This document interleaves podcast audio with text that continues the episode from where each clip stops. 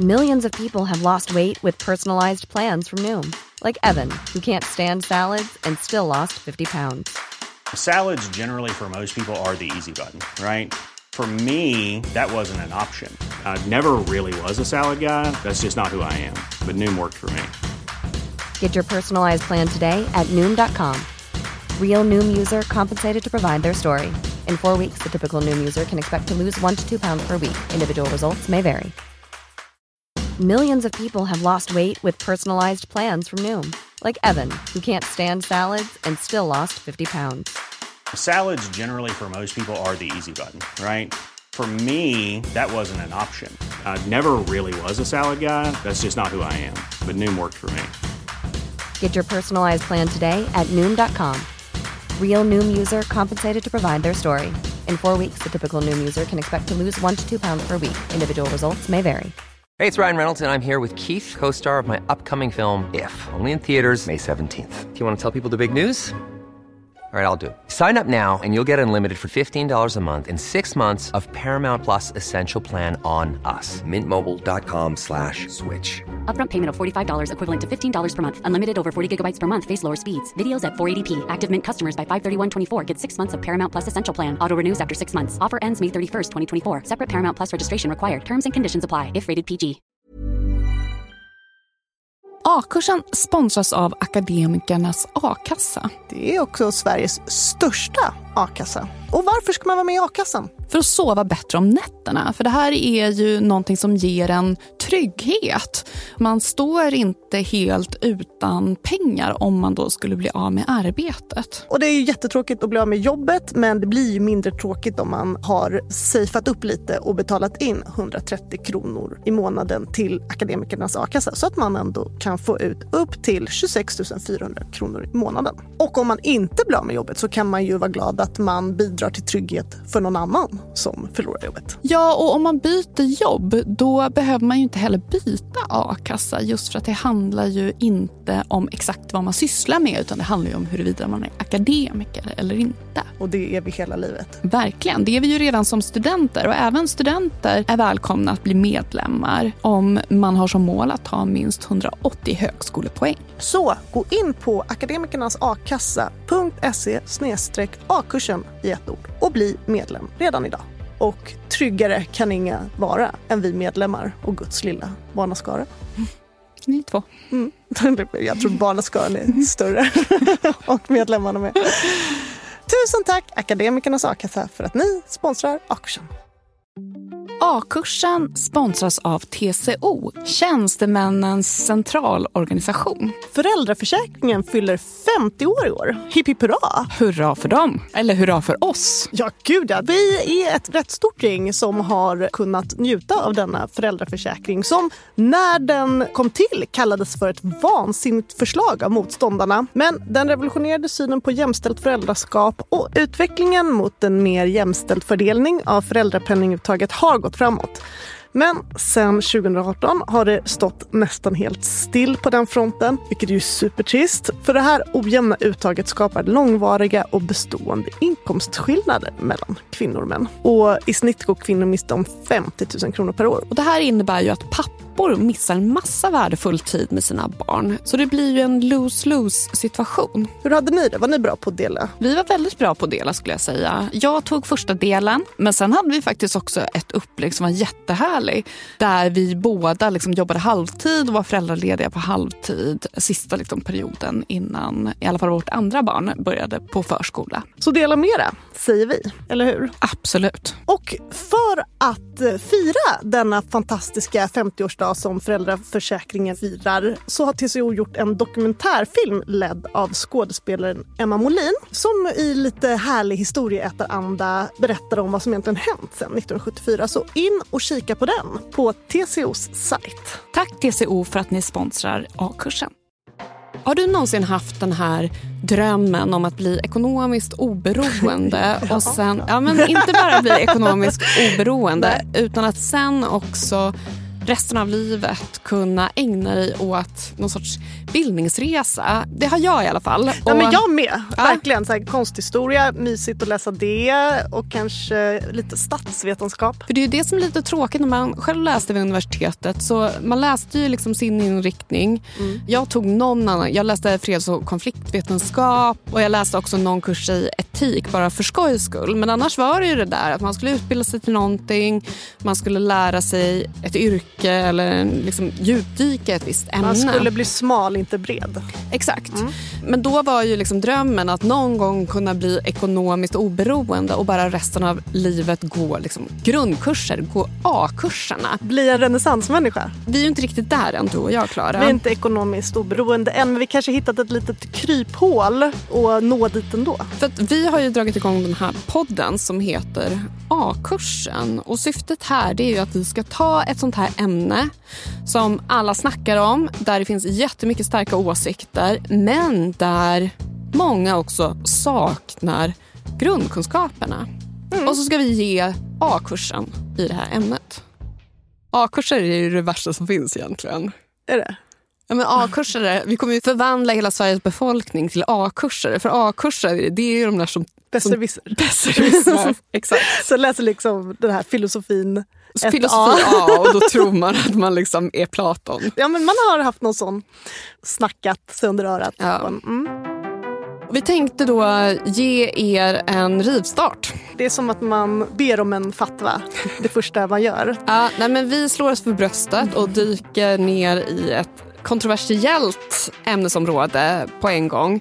Och också lyfter en fråga som faktiskt har varit väldigt aktuell de senaste månaderna. Koranbränningarna. Polisen i Region Stockholm har fått in en ny ansökan om allmän sammankomst med koranbränning. Vad är det så fel egentligen att bränna Koranen? Och häda.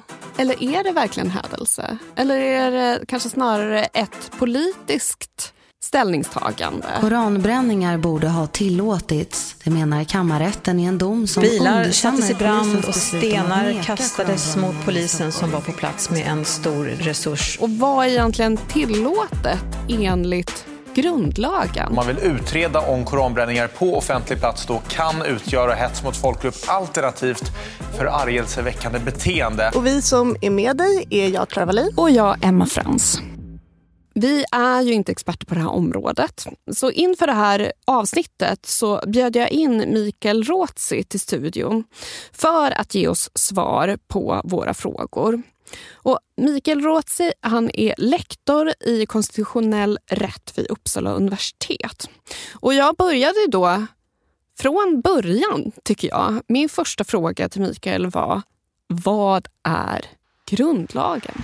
Oftast brukar man ju tänka sig att grundlagen är den lagen som helt enkelt eh, står högst upp i liksom, regelsystemet eller i normhierarkin som brukar säga. Så det är den som eh, betyder mest på något sätt. Men sen kan man ju även säga att grundlagarna brukar innehålla vissa saker typiskt sett. Alltså de brukar förklara hur statsskicket fungerar och brukar innehålla olika rättighetskataloger och kanske förklara valsystemet och, och sådana grejer. Och um, i Sverige så kan man väl säga att det som skiljer en grundlag från en vanlig lag, det är ju hur den beslutas. Att det finns en särskild beslutsprocess. Så i korthet innebär det att riksdagen fattar två beslut med ett mellanliggande val. Så att det är lite svårare att stifta eller ändra en grundlag jämfört med en vanlig lag. Så Sverige har alltså då fyra grundlagar. Och De reglerar då vårt valsystem, vårt statsskick, våra rättigheter och olika typer av beslutsprocesser. Och Det finns ju någon sorts hierarki här också. Att grundlagen är på något sätt överordnad övriga lagar. Även om det såklart går då, det står i grundlagen att man får exempelvis inskränka yttrandefriheten i olika typer av sammanhang. Det finns ju jättemånga begränsningar av yttrandefriheten på en hel del olika sätt. Ofta tänker man sig kanske det här att man får inte förtala folk och man får inte begå hets mot folkgrupp. Det är ju uppenbara begränsningar av yttrandefriheten. Men det finns en massa andra regler också som till exempel upphovsrättsliga regler begränsar yttrandefriheten och eh, olika typer av eh, reklamlagstiftning som säger att man inte får ha vilseledande reklam och så vidare. Det finns en massa sådana typer av regler som begränsar yttrandefriheten och sen finns det också en massa regler som kan begränsa yttrandefriheten ibland beroende på situationen. Jag kan nämna ett rättsfall från Högsta domstolen som exempel bara. Det handlar om en journalist som i Malmö ville visa hur lätt det var att få tag på illegala vapen. Så då gick han ner på stan och så köpte han ett vapen på svarta marknaden och sen ringde han till polisen och sa, och sa titta jag har ett vapen här, kom och hämta det så ska jag publicera min artikel imorgon. Och som tack för hjälpen då så tog polisen vapnet och så blev han åtalad för vapenbrott. Men han skrev en artikel om hur lätt det var att få tag på vapen i Malmö. Så det var ju liksom ett journalistiskt projekt det här. Så då försökte han förklara det i domstolen att men det här var inom ramen för min yttrandefrihet som jag gjorde det här. Och då sa Högsta domstolen i slutändan att eh, ja, det var en begränsning av din yttrandefrihet. Men det var ändå okej att döma dig. Och så fick han ett ganska lindrigt straff. Men det visar ju att till och med liksom en sån regel som vapenbrott kan vara en begränsning av yttrandefriheten. Det beror liksom på kontexten. Det är svårt att säga i förhand vilka regler eller bestämmelser som begränsar yttrandefriheten. Just det. Och även att han dömdes då så var det en sorts förmildrande omständighet som Mm. gjorde att det inte blev så hårt straff. Ja, precis. Men yttrandefrihetsgrundlagen, är det en typ av grundlag? Ja, det kan man ju säga. Vi har ju fyra grundlagar i Sverige. Och det är lite ovanligt men inte så unikt som man ibland kanske tror. Det är många länder som har fler grundlagar. Och eh, vi har dels regeringsformen som är liksom den grundläggande grundlagen där statsskickets grunder förklaras och där det finns en, en allmän rättighetskatalog. Men sen har vi också två stycken grundlagar som berör yttrandefriheten specifikt och det är tryckfrihetsförordningen och det är yttrandefrihetsgrundlagen. Och tryckfrihetsförordningen har anor från 1766 och den handlar i, båda de här grundlagarna handlar om yttranden som sprids i vissa särskilda former. Så tryckfrihetsförordningen gäller egentligen sådana yttranden som sprids i tryckta skrifter. Och yttrandefrihetsgrundlagen som kom 1991, det gäller sådana yttranden som sprids i främst radio och tv, men även ibland på internet. Så det är liksom en specifik del av yttrandefriheten som egentligen inte är Alltså den är principiellt väldigt betydelsefull, men den praktiska rätten till yttrandefrihet regleras i stora delar i regeringsformen kan man säga. Och sen ska jag också nämna att den fjärde grundlagen är successionsordningen som handlar om vem som blir regent när kungen dör. Det man kan säga är väl då att det finns begränsningar av yttrandefriheten och det är helt okej att i olika sammanhang begränsa yttrandefriheten. Och någonting som då har blivit väldigt uppmärksammat när det gäller koranbränningarna det är ju då brottet hets mot folkgrupp. Enligt lagtexten så tror jag att det står ungefär som att eh, den som hotar eller uttrycker missaktning mot en folkgrupp eller annan sådan grupp med anspelning på och så är det vissa karaktäristiska uppräknade, ras, etnicitet, eh, sexuell läggning och så vidare. Den begår hets mot folkgrupp. Det är så lagen uttrycker det. Är det en del av grundlagen? Nej, utan eh, det står i brottsbalken att det är ett brott att göra så här. Och det innebär ju då att eh, den bestämmelsen är en begränsning av den rätt till yttrandefrihet som följer av regeringsformen som är en grundlag. Och att den då är med i brottsbalken och inte i grundlagen, betyder det någon hierarkisk skillnad? Jo, men det gör det. Alltså, systematiken är ofta så att i grundlagen står ju liksom principerna. Så här, vi har rätt till yttrandefrihet. Men det står också att yttrandefriheten får begränsas i olika fall. Och då får man göra sådana begränsningar som är nödvändiga i ett demokratiskt samhälle. De får inte gå längre än vad som är nödvändigt och så vidare. Och då har man infört en bestämmelse, bland annat om hets mot folkgrupp, som begränsar yttrandefriheten i vissa fall. Men det innebär ju också då att när man tolkar den bestämmelsen så kan man ibland behöva göra det mot bakgrund av grundlagen. Så att man säkerställer att tillämpningen i det enskilda fallet inte går längre än vad grundlagen medger. Skulle du kunna ge några exempel på när man har dömts för hets mot folkgrupp? Ja, det finns ju en hel del exempel som handlar om liksom nationalsocialistisk ideologi. Till exempel om man går runt med eh, svastikor eller andra kännetecken som är tydligt förknippade med nazismen. Men även om man uttrycker sig på ett sätt som är liksom rasideologiskt, att man säger att vissa människor är mindre intelligenta och mindre värda än andra människor, så är det typiskt sett hets mot folkgrupp skulle jag säga. Spelar det någon roll vilket sammanhang man gör den här typen av uttalanden? Ja, delvis kan det göra det. Och då är det väl så att eh, just med hänsyn kanske till att yttrandefriheten är viktig för demokratin så kan det finnas ett större spelrum att uttrycka sig när det gäller politiska yttranden eller frågor av liksom ett angeläget allmänt intresse där allmänheten liksom har ett stort eh, behov av att det finns en bred debatt, så att säga. Skulle du säga att koranbränningarna utgör hets mot folkgrupp? Jag skulle säga att det beror på vad man menar. Vad menar man med att bränna en koran? Det är ju det som är frågan. Om man tänker sig att man ska liksom utvärdera det här mot brottet hets mot folkgrupp. Då måste man ju fundera på vilket budskap vill den som bränner den här koranen förmedla? Att bränna en koran är väl ett, som man brukar säga, symboliskt yttrande. Att bränna en bok i sig är ju inte ett yttrande. Eller det kan vara det, men det behöver inte vara det. Det bränns ju böcker varenda dag i form av återvinning och så vidare. Men om man bränner en koran i ett särskilt syfte så kan det förmedla ett budskap. Precis som det kan förmedla ett budskap att gå runt med en flagga med en svastika på. Ofta så är det budskapet för oss väldigt otvetydigt att vi förstår att har man nazistsymboler på gatorna när man marscherar, då vill man säga i princip att eh, vissa folkgrupper är bättre än andra och att de andra kanske till och med förtjänar att förintas och så vidare. Men vad betyder det att bränna en koran? Mitt svar på det är väl att det kanske kan betyda väldigt olika saker. Det kanske kan betyda att man tycker väldigt illa om muslimer och tycker att de är dåliga människor. Det kanske betyder att man är kritisk mot en regim i en del av världen där människor förtrycks. Eller det kanske betyder att man är kritisk mot eh, islam som religion. Och beroende på vilket budskap som man anser förmedlas så kan det utgöra hets mot folkgrupp, men det behöver inte göra det. Spelar det någon roll vem det är som eh, bränner Koranen? Om man till exempel vet att det är en person som har kopplingar till nazism eller högerextrema grupper? Alltså det här är en ganska svår fråga. För du har liksom aldrig prövat i domstol alltså hur man ska se på en koranbränning. Men min förståelse av det hela är ändå att om man jämför med till exempel de här, att bränna ett kors i USA till exempel. Det är en rasistisk handling helt enkelt. Det finns en väldigt tydlig förförståelse om vad det innebär. Förförståelsen av vad det innebär att bränna en koran är för mig inte lika tydlig. Och då kan det såklart av kontexten, av andra omständigheter möjligen framgå vad man menar. Om man till exempel säger saker eller agerar på ett visst sätt i samband med att man bränner en koran. Och då skulle koranbränningen som ett led av det sammanhanget vara en del av brottet hets mot folkgrupp. Mm. Men att förförståelsen av att bränna en koran innebär hets mot folkgrupp, den kopplingen tycker inte jag är liksom självklar. Och vad skulle behövas för att man skulle kunna se det som ett självklart brott? Behöver det komma upp då i Högsta domstolen om man behöver göra någon typ av bedömning? Ja, alltså om Högsta domstolen säger att det är så, då är det ju så. Men varför skulle de säga det? Alltså, vad är liksom argumenten för ja, det här? Och visst, man kan ju så spekulera. Tänk att om det är så att alla islamofoba grupper helt plötsligt börjar bränna koraner vid sina sammanträden och man gör det i samband med att man misshandlar muslimer så bränner man dessutom en koran. Då kan ju liksom den handlingen få en sån symbolisk innebörd som gör det väldigt tydligt vad man menar. Då blir det lika tydligt som att bränna ett kors. Ja, men precis.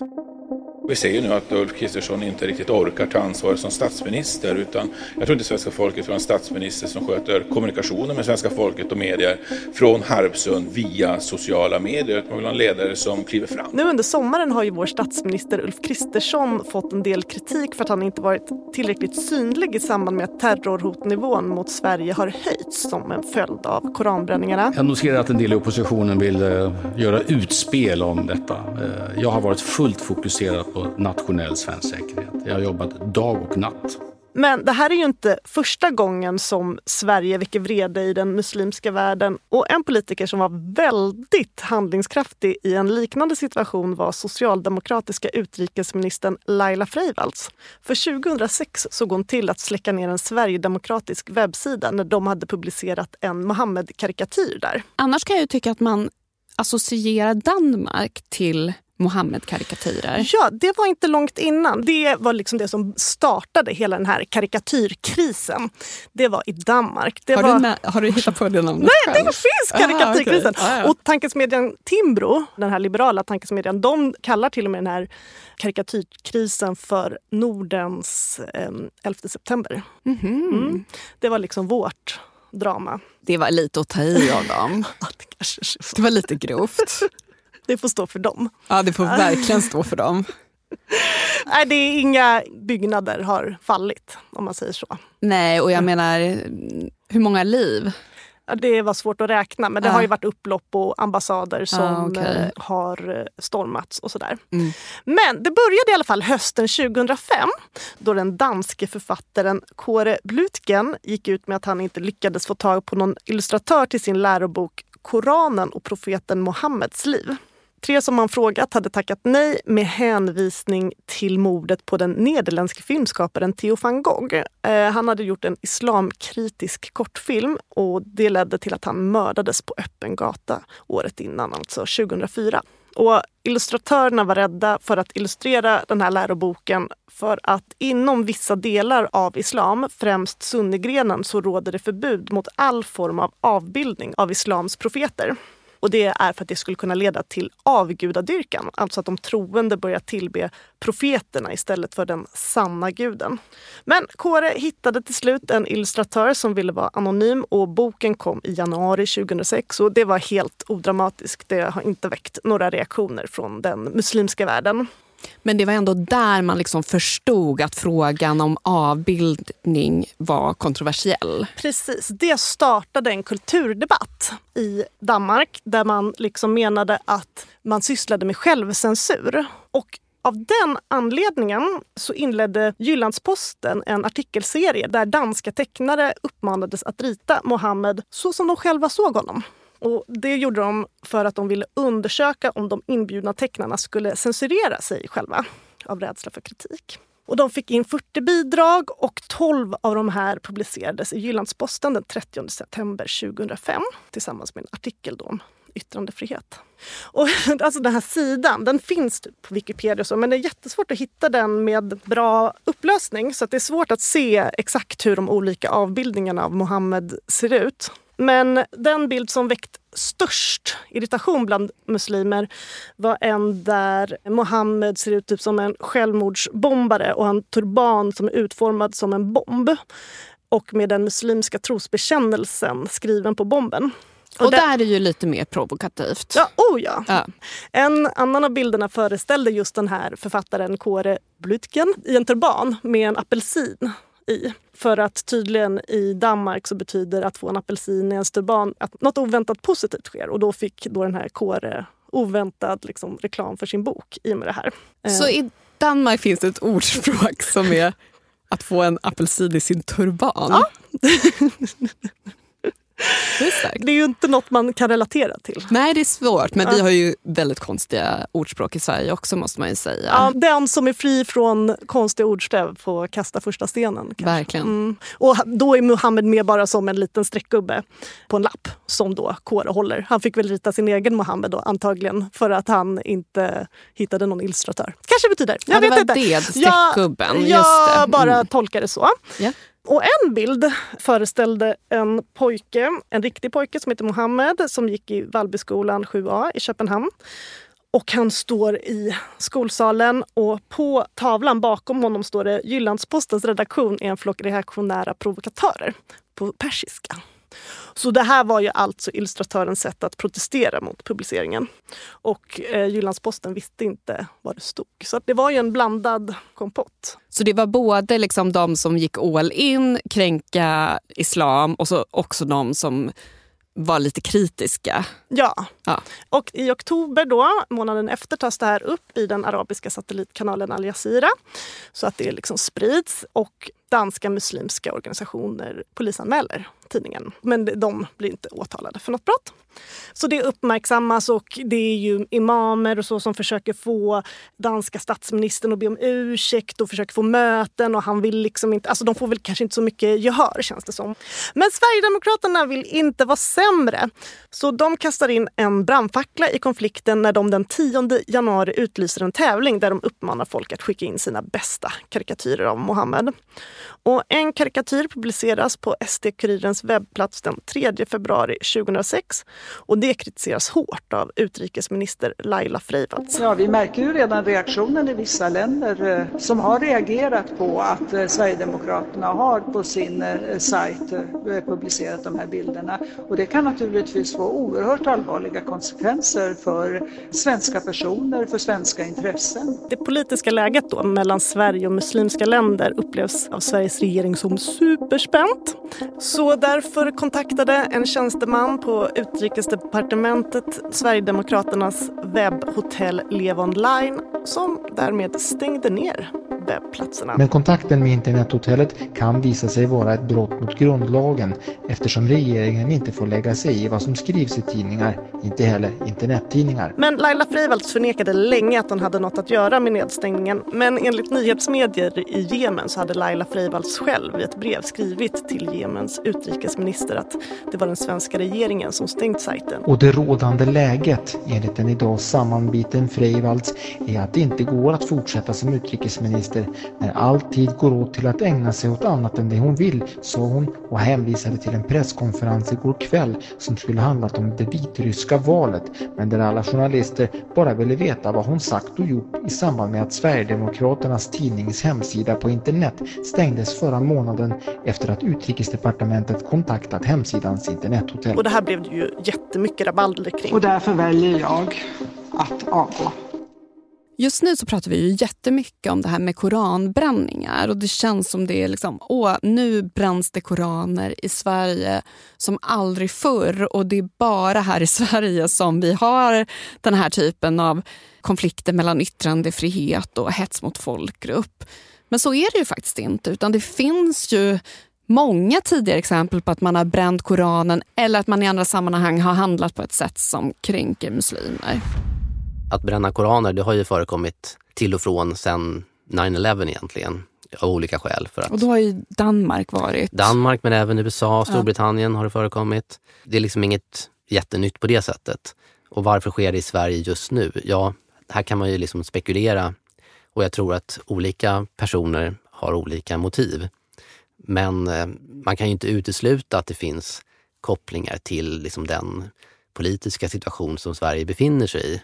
Kan det vara, vissa i alla fall gör det här som en del av någon sorts påverkanskampanj för att Sverige inte ska komma med i Nato, för att orsaka spänningar med den delen av världen. Det kan väl inte uteslutas. Men det är ingenting i vår grundlag som gör att det finns någon sorts kryphål som gör att man kan bränna koraner här fast inte på andra ställen? Nej, det finns inget sånt kryphål, det skulle jag inte säga. Däremot så finns det såklart i vissa länder som Finland till exempel, så finns det ju kvar den här typen av gammal hädelselagstiftning som säger att man inte får bränna religiösa skrifter och sånt. Det tog vi bort i Sverige på 70-talet. Är det dags att återinföra dem? Det är inte min bild i alla fall. Jag tycker att de där hädelselagarna, de bottnar ju i grund och botten alltså i en sorts att menigheten inte får säga emot överheten. Liksom. Att man får inte kritisera staten, man får inte kritisera kyrkan, man ska sitta still i bänken. Liksom. Och jag tycker att återinföra den typen av regler känns inte så modernt. A lot can happen in three years, like a chatbot may be your new best friend. But what won't change? Needing health insurance. United Healthcare Tri Term Medical Plans, underwritten by Golden Rule Insurance Company, offer flexible, budget friendly coverage that lasts nearly three years in some states. Learn more at uh1.com. Millions of people have lost weight with personalized plans from Noom, like Evan, who can't stand salads and still lost 50 pounds. Salads, generally, for most people, are the easy button, right? For me, that wasn't an option. I never really was a salad guy. That's just not who I am. But Noom worked for me. Get your personalized plan today at Noom.com. Real Noom user compensated to provide their story. In four weeks, the typical Noom user can expect to lose one to two pounds per week. Individual results may vary. Hiring for your small business? If you're not looking for professionals on LinkedIn, you're looking in the wrong place. That's like looking for your car keys in a fish tank. LinkedIn helps you hire professionals you can't find anywhere else, even those who aren't actively searching for a new job but might be open to the perfect role. In a given month, over 70% of LinkedIn users don't even visit other leading job sites. So start looking in the right place. With LinkedIn, you can hire professionals like a professional. Post your free job on linkedin.com slash people today. Men nu kanske man tror att eh, det bara är muslimer som blir kränkta och så är det ju absolut inte. Än så länge så har vi i det här programmet lyft just den krocken när till exempel muslimer känner sig kränkta när andra människor utövar sin yttrandefrihet. Men det finns ju som du säger mängd olika exempel på att det här har krockat. Ja, exempelvis Elisabeth Olsson Wallin som hade sin utställning Ecce Homo där det var liksom Jesusbilder med transvestiter och homosexuella och en snopp. Sånt där. Som det var väl när den skulle ställas ut i domkyrkan i Uppsala. Som jag var det... där till och med. Var du? På Kulturnatten. Okay. Ja, jag var ung då, men Berätta. jag var ändå mitt i... Nej, jag tror att det gick ganska lugnt till. Jag tror Mm. att det snarare var diskussioner liksom innan som var den stora grejen. Det var ju, kan det ha varit några som stod och protesterade? Det minns jag faktiskt inte i nuläget. Vad tyckte du om konsten? Ja, jag tror att jag uppskattade det. Jag tyckte att det ändå hade någonting. Och just också att det hade fått så mycket uppmärksamhet. Gjorde, alltså det är ju så det ofta är. Om vi skulle liksom ge tips till de här personerna som vill stoppa koranbränningarna så är det bästa tipset är att inte göra någon stor grej av det. För det är ju så det lätt blir. att Ju mer människor högljutt protesterar mot någonting, desto mer uppmärksamhet får det. Och vi lever ju idag väldigt mycket i ett uppmärksamhetssamhälle. Och det är ju det också som man kanske kan nu liksom bli apropå det här med höjda säkerhetsläget, att man kan känna också att de som ger de här händelserna mycket uppmärksamhet, de är ju också en del av problemet. Om ingen skulle bry sig om att man brände Koranen så skulle ju, tror jag, färre koraner brännas. Jag gjorde ju Ecce Homo för att på den tiden, på 90-talet, när mina vänner hade dött då, i aids, ganska många, så fanns ju präster på den tiden som sa att aids var Guds straff. Och det sa de på riktigt liksom och menade det. Så jag ville ju ge en upprättelse. Men då var det ju kanske konservativa kristna som blev upprörda för de här bilderna där man porträtterade Jesus bland liksom, aidssjuka homosexuella män. Och att just att jag var så naiv och så oskuldsfull när jag gjorde de här tolv bilderna, det var ju liksom mina söndagsskoleplanscher som jag gjorde om i vuxen tappning på något sätt. Och sen kan det ju också vara kristna som står för uh, hetsen mot folkgrupp. Exempelvis pingstpastorn Åke Gren blev ju polisanmäld och åtalad efter en predikan som han höll i juli 2003. Alltså, och tyvärr skickade han också in den här predikan till Ölandsbladet. För att han var så stolt över den? Ja, han ville liksom väcka debatt. Och jag har läst ah, okay, den. Han ville? Ja. Ja, oh ja. Och det var tio sidor läsning som jag gärna hade varit utan. Vill du veta lite um, vad den innehöll så att jag ändå får någon utdelning för min hemska läsupplevelse? Ja, för din skull, Klara, så går jag med på det. alltså, det är som en obegriplig feberdröm där han liksom leder i bevis varför homosexualitet är fel och så gör han det genom att hitta olika citat i Bibeln som stödjer hans övertygelse. Så kallad cherry picking. ja, verkligen. Jag tror ja. man kan hitta argument kan hitta för argument allt för mycket. i Bibeln. Mm. Men det här tjejen, alltså kan du förstå det här? I djurriket så finns det ju hane och hona och i växtriket så finns det också han och honväxter. Varken i djur eller i växtriket förekommer några abnormiteter utan varje art håller sig till sin egen art. Så är det tills människan på senare år har klampat in på det här området genom provrörsbefruktningar och genom kloning och genom att man då byter partner och har partnerskapslagar som har blivit stiftade. Okej, djur byter ju partners. Och det är väl växter också tänker jag. Och så finns det, är så vanligt med han och honväxter. De har väl uh. både ståndare och pistiller, de flesta blommor. Ah, ja, ah, okay. Så fortsatt politiker är dårar som tillåter samkönat partnerskap och tv och tidningar sätter syndiga tankar i människors huvuden. Och också att vi är så befriade från naturkatastrofer och så i Sverige. Men nu genom de här dåraktiga politikerna så kommer det ju komma hit. Så, att så han förutsåg eh, klimatkrisen långt innan alla oss andra? Nej, jag trodde han nog tänkte på mer död. Alltså att det skulle vara mer naturkatastrofer i Sverige ah, okay. där folk dog till följd av alltså detta. Alltså syndaflodar helt ja, enkelt? Ja, precis, precis. Som sker i andra länder mycket. Det verkar han tro i alla fall. Sen är det väl det här mest kända citatet. Eh, nu vet jag, jag fnissar för att ja. jag vet vad du ska... Ja. Sexuella abnormiteter är en djup cancersvulst på hela samhällskroppen. Herren vet att sexuellt förvridna människor kommer till och med att våldta djuren. Inte heller djuren går fria för människans sexuella behov och brand som är tänt i en människa, utan till och med det kan man ägna sig åt. Och det är också där, det är ju fint att han säger att alla homosexuella är inte pedofiler. Det är fint sagt. Ja, visst. Men det är ju liksom ett första steg ja. till att börja man liksom, ja. ja. Så det är ju en enda osmaklig sammanblandning av homosexualitet, pedofili och tidelag. Och en stackare som liksom tragglade sig igenom hela denna predikan var RFSLs lokalordförande i Kalmar. Och han anmälde då Åke Gren för hets mot folkgrupp. Eh, och hur gick det för Åke Gren då i det åtalet? Han blev fälld i tingsrätten. Alltså han blev fälld mm. först? Ja. En månads fängelse, men det överklagades och i Göta hovrätt så friade de honom. Och så även i Högsta domstolen. De tog också upp det. Om man bränner en koran för att man bara vill bränna den för att man är hatisk eller om man bränner den för att man ogillar det muslimska kvinnoförtrycket i Iran. Ja, brännandet är ju detsamma även om uppsåtet är olika. Hur ska man bedöma en sån handling då? Nej, men kontexten är ju viktig, tycker jag. Det tycker inte jag.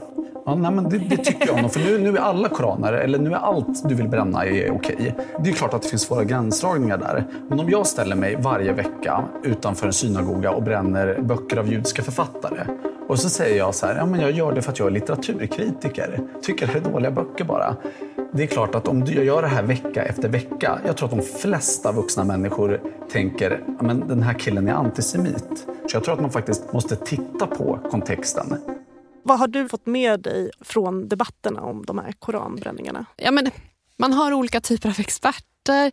Till exempel sådana som Mårten Schultz som är professor vid Stockholms universitet och också då skribent i Svenska Dagbladet som skriver om den här typen av juridiska frågor.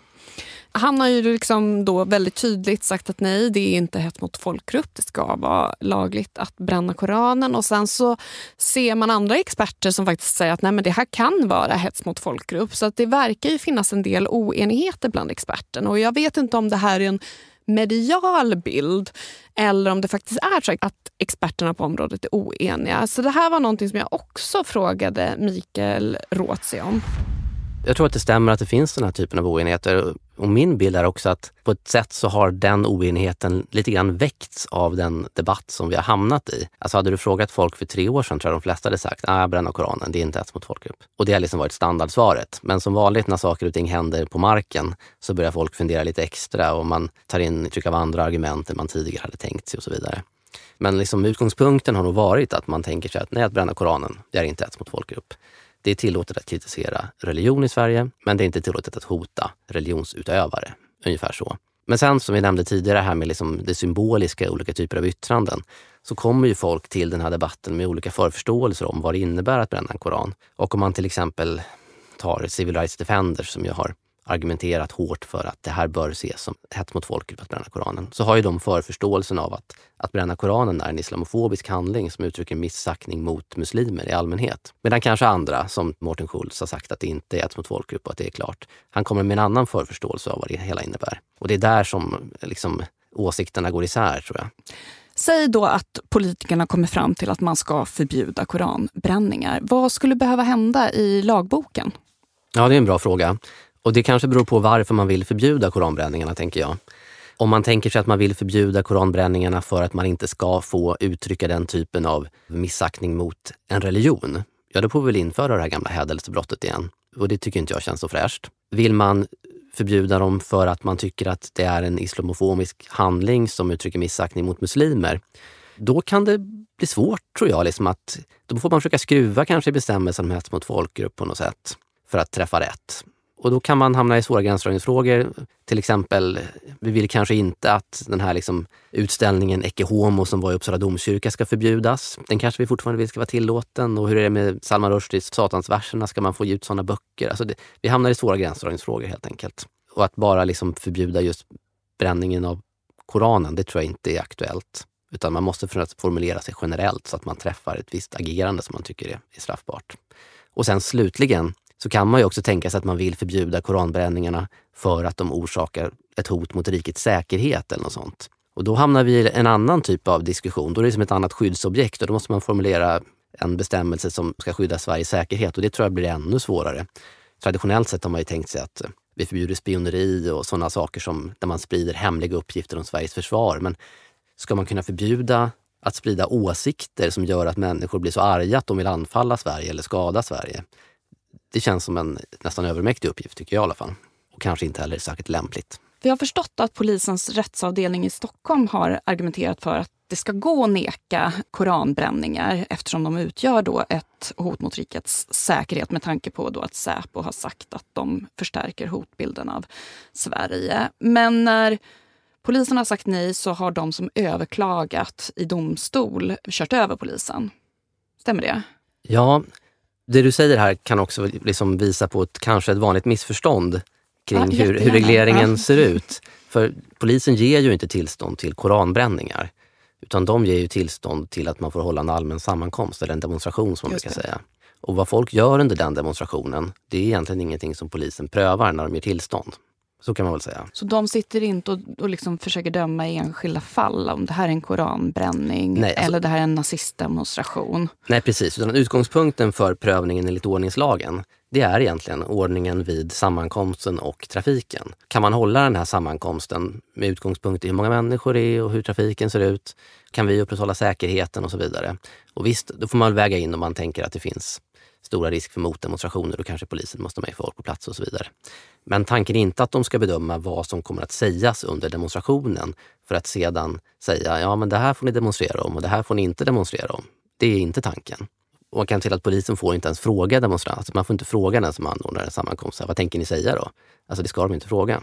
Och det är ganska rimligt egentligen, kan jag tycka i alla fall då. Eftersom för det första vet man ju aldrig vad som kommer att sägas under en demonstration om man inte staten, då, polisen, först begär in. Liksom, så, vad, vad tänker ni säga? Vad tänker ni göra? Och så lämnar man en redogörelse för det. Och är då tanken att polisen ska sitta och avgöra vad som är tillåtet att säga eller inte på förhand, då blir det någon typ av censur som vi ju är ganska så avvoga emot i andra sammanhang. Till exempel när det gäller tidningar och radio och sånt där. Alltså någon sorts censur där. Det strider mot våra yttrandefrihetsgrundlagar kan man säga. Men man har sagt nej nu? Ja, då har man sagt nej och då har man sagt, för man får säga nej till en demonstration med hänsyn som sagt till ordningen och säkerheten vid sammankomsten. Men inte till rikets säkerhet? Nej, precis. Den ska vara den, liksom, vad orsakar demonstrationen för ordningsstörningar? Inte kan det som sägs under demonstrationen leda till fara för Sveriges säkerhet. Någon sån möjlighet finns inte att neka en rätt att hålla en allmän sammankomst enligt dagens reglering i alla fall. Och vad jag menar då är att om man skulle försöka, som polisen säger, införa en möjlighet att neka tillstånd till en demonstration med hänsyn till att det som kommer att yttras vid demonstrationen skulle kunna orsaka en fara för rikets säkerhet. Ja, det blir svårt att genomföra en sån reform, tror jag, utan att hamna i den här liksom, lite censurliknande situationen. Eh. Eller att man dömer folk utifrån vad de tidigare har gjort. Eller, ja, precis. Ja. Och det finns det redan idag en liten möjlighet att göra. Alltså om man tidigare har anordnat demonstrationer där man har begått en massa brott, kan man säga. Ja, då finns det möjlighet att neka av, av det skälet. Men det är ju någonting annat egentligen, tycker jag, än det här. Men om vi tar till exempel Paludan, man vet att hans sammankomster har resulterat i upplopp. Kan man liksom utifrån det neka honom? Ja, det där är en ganska så kontroversiell fråga eftersom här finns det en, om man ska bli liksom lite juridiskt teknisk, en, en skillnad mellan vad som står i grundlagen och vad som står i ordningslagen. I grundlagen står att man får begränsa rätten att hålla allmänna sammankomster med hänsyn till ordningen och säkerheten vid sammankomsten. Men i ordningslagen så lägger man till eller i dess omedelbara omgivning eller något sånt där. Och då kan man fråga sig, hur stämmer det här överens? Men den tolkning som verkar gälla just nu av det är att ja, men man kan undantagsvis beakta inte bara vad demonstranterna gör, utan hur situationen omkring demonstrationen kommer att bli. Om det är en sån upploppssituation. Och där finns det, tror jag, exempel på att man har, om inte nekat så i alla fall sagt att ni kan hålla demonstrationen, men inte just här, för där finns det en så stor risk för att det blir sådana typer av upplopp. Är det liksom vår lösning på hur man bevarar yttrandefriheten? Man fixar ett grustag i, eh, i någon liksom obygd och där, man får göra där får man, göra precis man får elda, vad man vill. Ja, det är lite ja. så. Det är liksom... Man kan ha världens partaj där. Ja. Man kan liksom visa... Få elda precis vad man vill. Alltså... Inte ett barn. Nej, ja, där, där, Inte där en går hund även, heller kanske. Där går även min gräns. Ja men absolut. Ja. Inte däggdjur. Fåglar? Det är okej. alltså man kan ju se reaktioner på exempelvis våra koranbränningar med att en svensk flagga eldas upp. Hur känns det i ditt hjärta? Jag blir inte jätteledsen. Du tycker det är toppen att skända flaggan? Jag tycker inte det är toppen och jag tycker att det är olämpligt. Men det är ingenting som jag tycker ska vara olagligt. Det kan ju inte liksom jämföras med vreden som kommer av att bränna koraner. Det är inte så att det blir en likvärdig reaktion hos mig eller dig då. Nej. Nej. Men alltså på 60-talet så verkade det ändå väcka betydligt starkare känslor att hålla på och skända flaggan. Jag läste den här artikeln i Svenska Dagbladet från 2 maj 1967. Ett antal affischer av den unge konstnären Carl Johan De Geer beslagtogs på söndagen av polisen. De var utställda i Galleri Karlsson i Stockholm och visade bland annat en svensk flagga med ett sexord inskrivet i korset. En amerikansk flagga med stjärnor utbytta mot hakkors och affischer som uppmanar till svikande av värnplikt. Jag antar att du vet vilket sexord det var. Kuken. det är ändå väldigt gulligt att de ja, inte kan skriva det. Ja, det var tidigare det. Verkligen. Och eh, Carl Johan De Geer förklarar då för Svenskan att han tycker att det är egendomligt att poliserna reagerat först på söndagen. De hade ju vernissage redan på lördagen och de flesta av sakerna var redan sålda. Men han tycker att det är toppen att skända flaggan. Och, eh, han... och han är inte ledsen för uppmärksamheten heller. Nej, det tror jag, jag. inte. En, liksom, en provokativ konstnär är ganska nöjd med det. Men han dömdes i alla fall till 75 dagsböter, 15 kronor, för skymfande av svensk och utländsk rikssymbol. För han hade ju skymfat USAs flagga också. Med Aha. de här hakkorsen. Ah, ja. Och det blev alltså totalt 1125 kronor. 6 810 kronor i dagens penningvärde. Så det är ju inte ett mega... Alltså, jag menar, visst, han blev ju dömd men det var ju ändå bra marknadsföring, tänker jag. Värt 6 000 kronor. Oh ja. Mm. Skulle det varit olagligt idag? Nej, för fyra år senare, 1971, så avskaffades brotten skymfande av rikssymbol och skymfande av utlands rikssymbol. För det låter lite mossigt måste jag säga. utifrån det kan jag också tycka, men det finns fortfarande regler om att svenska flaggan inte får förses med märken, bokstäver eller andra tecken. Skända svenska flaggan kuken. Skända svenska flaggan kuken. Skända svenska flaggan kuken. Skända svenska flaggan kuken. Sen så vill jag också faktiskt slå ett slag för det här bara allmänt hyfs. Att man på något sätt man ska vara väldigt glad för att vi har så pass många fri och rättigheter och att man faktiskt får säga vad man vill. Men att man också då gör det här med lite ansvar. Att man behöver inte hela tiden liksom tänja på yttrandefrihetens gränser och testa liksom, hur mycket kan jag pusha det här innan det blir liksom hets mot folkgrupp. Utan att man faktiskt också beter sig på ett sätt som kanske är ganska schysst och lite etiskt. Men tycker du då att debatten borde vara annorlunda istället för att så här, hur kan inte koranbränningar vara hets mot folkgrupp? Istället ha, hur kan du vara så oschysst? Paul Dam. ja men kanske faktiskt. Och just också sådär att man på något sätt också diskuterar det kanske inte är lagändringar vi behöver utan medierna kanske måste rannsaka sig själva. Hur mycket ska vi egentligen uppmärksamma den här typen av händelser. Vi som är liksom publicister i sociala medier, vi kanske också ska fundera på liksom att vi kan kanske göra ett bidrag. Vi kanske inte behöver nödvändigtvis försöka få politikerna att ändra lagarna utan istället så kanske vi måste inte bemöter alls utan kanske snarare... Silent ja, treatment. Vi kanske måste ge de här koranbrännarna the silent treatment istället för att förbjuda koranbränningar. För det vet man ju själv. Det är ju det värsta behandlingen. Ja, vi har väl lärt... Man vi har väl läst... Stånga mig, gör vad som helst. Ja. Bara du bekräftar att jag finns. Exakt. Mm. Du har just tagit A-kursen i yttrandefrihet. Men kommer du klara tentan? är frågan. In och följ oss på Instagram, akursen understreck podd, så ligger tentan i händelserna där. Och gud vad kul att eh, vi är igång. Jättekul. Ja. Uh, och vi kommer ju släppa avsnitt nu varje vecka. Men det blir ju också en överkurs. Och när kommer överkursen komma då, Klara? På torsdag. Och vad innebär överkursen? Det är hela din intervju med experten i fråga. Och så nu på torsdag alltså hela ditt jätte, jätteintressanta snack med Mikael Rotsi. Och nästa vecka är vi tillbaka och då kommer vi prata om våtmarker. Och ska de verkligen återställas?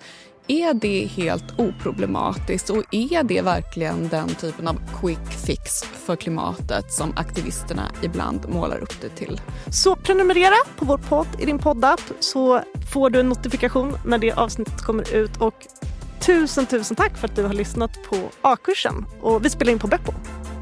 Hej då! Hej då!